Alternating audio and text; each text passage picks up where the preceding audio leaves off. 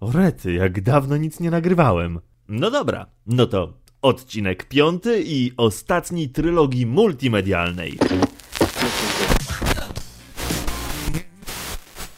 Słuchasz podcastu Kontrstacja.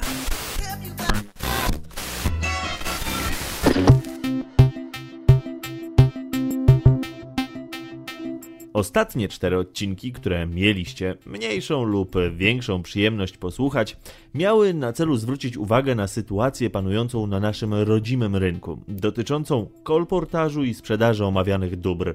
Co by o nich nie mówić, to kultury. Wspomniałem o muzyce, filmach, książkach i programach, w tym także grach głównie na urządzenia przenośne. Mówiąc o nich, za każdym razem robiłem aluzję do brakującego mi na naszym rynku sklepu iTunes. Jest to sklep internetowy, który może ma swoją dziwną politykę w przypadku aplikacji i gier, jednak nie przeszkadza to mu, by prowadzić w rankingach sprzedaży. Zarzuty, jakie mam wobec naszych wydawców, wypowiadałem trochę przez pryzmat zazdrości, widząc jak łatwo i w przystępnych cenach można wybierać i przebierać we wspomnianym sklepie internetowym. W dużej jednak mierze mówiłem w złości na niezrozumiałą zawiłość handlowo-prawną występującą w Polsce. Bo przecież słysząc o jakichś związkach, sympatykach, stowarzyszeniach czy grupach i cokolwiek tam jeszcze istnieje, które niemal do każdej wydawanej piosenki, filmu czy książki wyciągają ręce po pieniążki, które im się należą z racji, że no właśnie tych właśnie racji ja zwyczajnie nie pojmuję. A pojęcie to przekłada się na zakupy, bo przecież cenę towaru można przedstawić na takim wykresie. Wykresie, na którym zobaczymy, ile i komu się co należy za choćby sprzedaną jedną płytę audio. Dorzućmy do tego jeszcze często słyszane hasła jak piractwo, dzięki któremu wydawcy z dnia na dzień dokładają wręcz do interesu. A pomysły, które wdrażają na moim zdaniem pseudo walkę z piractwem, aż trudno uwierzyć, żeby miały przyzwolenie ze strony na przykład muzyków. No bo jaki muzyk chciałby, żeby jego płyta była wydawana w gorszej jakości dźwiękowej i poligraficznej? No bo w końcu zamiar artysty jest no troszkę inny, a u nas pod pewnymi hasłami zwyczajnie i ordynarnie obraża się nie tylko twórców, ale i konsumentów. No a kto wie, czy przypadkiem nie łamie się jakiegoś tam prawa. Bo sam chętnie poznałbym zdanie na przykład muzyków zespołu Metallica, e, którzy dostaliby swoją płytę w takim wydaniu z serii Polska Cena a od wydawców filmów usłyszałem, że tłumaczenie dodatków na płytach DVD się nie opłaca. Ale co zrozumiałe, opłaca się taki materiał, który został jedynie powielony, sprzedać za dodatkowe pieniążki. Zawsze droższe przecież te wydania są od tych y, wydań bez dodatków. I troszkę boli ten stan rzeczy, bo jak tłumaczyć to, kiedy w opcjach napisów można spotkać język czeski, słowacki czy rumuński, czyli w tych krajach na przykład można, a u nas, jak widać, nie. Wydawanie filmów przez naszych wydawców musi być chyba bardzo nieopłacalne. No, dowodem na to niech będą reklamy przed filmem, których nijak nie można wyłączyć. Rozumiem. No, mam duży telewizor, odtwarzacz DVD, zestaw sześciu kolumn, co tworzy razem taką imitację prawdziwego kina, w którym to przed emisją była kiedyś kronika filmowa, zastąpiona dzisiaj reklamami. Jednak e, w domowych warunkach jest to nie do pomyślenia, że nie mogę przewinąć czy też wyłączyć tych reklam. Wydaję więc na film ponad 100 zł, ale zanim go obejrzę, reklamy patronów medialnych.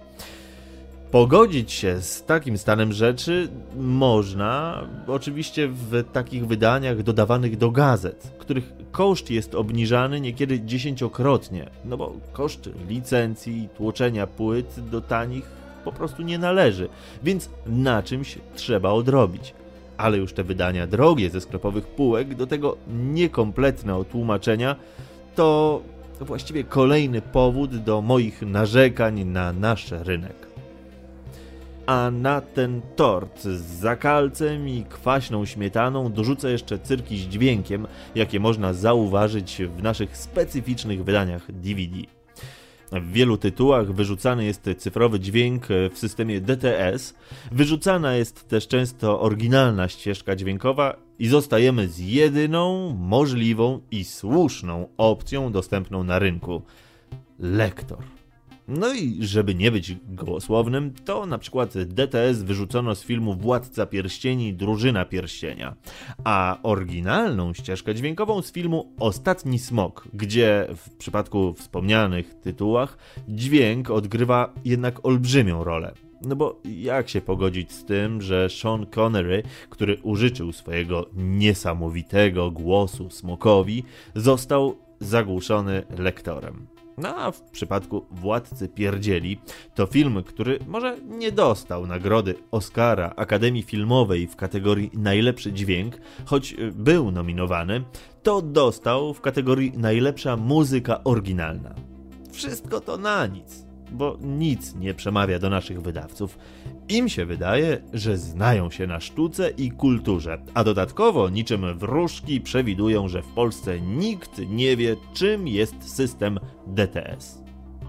Ostatnia kwestia dotycząca wydawanych filmów to ich tłumaczenia, które są bardzo często na żenująco niskim poziomie. Na dokładkę niektóre ważne kwestie są po prostu pomijane. Niejednokrotnie ma się po prostu ochotę zgrać taki film do komputera, załączyć napisy znalezione w sieci i złożyć ten film ponownie w całość internetowi tłumacze, którzy robią niesamowite tłumaczenia. Co ciekawe, hobbystycznie, powinni być raczej przykładem dla tych, którzy nie dość, że biorą za to pieniądze, to jeszcze daleko im do tego, co znajdziemy w sieci. Gry komputerowe na szczęście nie mają lektora, ale niekiedy mają coś gorszego. Polski dubbing. Mógłbym wymieniać tytuły, które z założenia twórców miały wprowadzać nas w niepowtarzalny klimat grozy, a które zamieniły się raczej w farsę. Zupełnie tego nie rozumiem, dlaczego nie pozostawia się nam wyboru. Co nie znaczy, że chciałbym na przykład dwa różne pudełka, jedne z polską, a drugie z oryginalną ścieżką dźwiękową, bo przecież ten problem można, podobnie jak z filmami na DVD, załatwić podczas instalacji. Wystarczyłoby kliknąć e, oryginalna ścieżka audio i po kłopocie. A tak, to kolejny przykład, który może nieładnie, ale należy wskazać palcem. Całe szczęście, w przypadku programów użytkowych można je spokojnie instalować, a jedynie na własne ryzyko wybierać można tłumaczenie na nasz rodzimy język. Choć e, wiadome jest, że Polacy nie gęsi i swój język mają, a do tego jest on piękny i bogaty, to w przypadku języka IT odnoszę wrażenie, że zatrudniono tłumaczy z artystyczną duszą. Bo na przykład nie bardzo mi pasuje do słowa angielskiego cancel słowo zaniechaj. No, można też spotkać takie określenia jak wyszukaj rozwiązania w sieci web, czyli sieć sieci.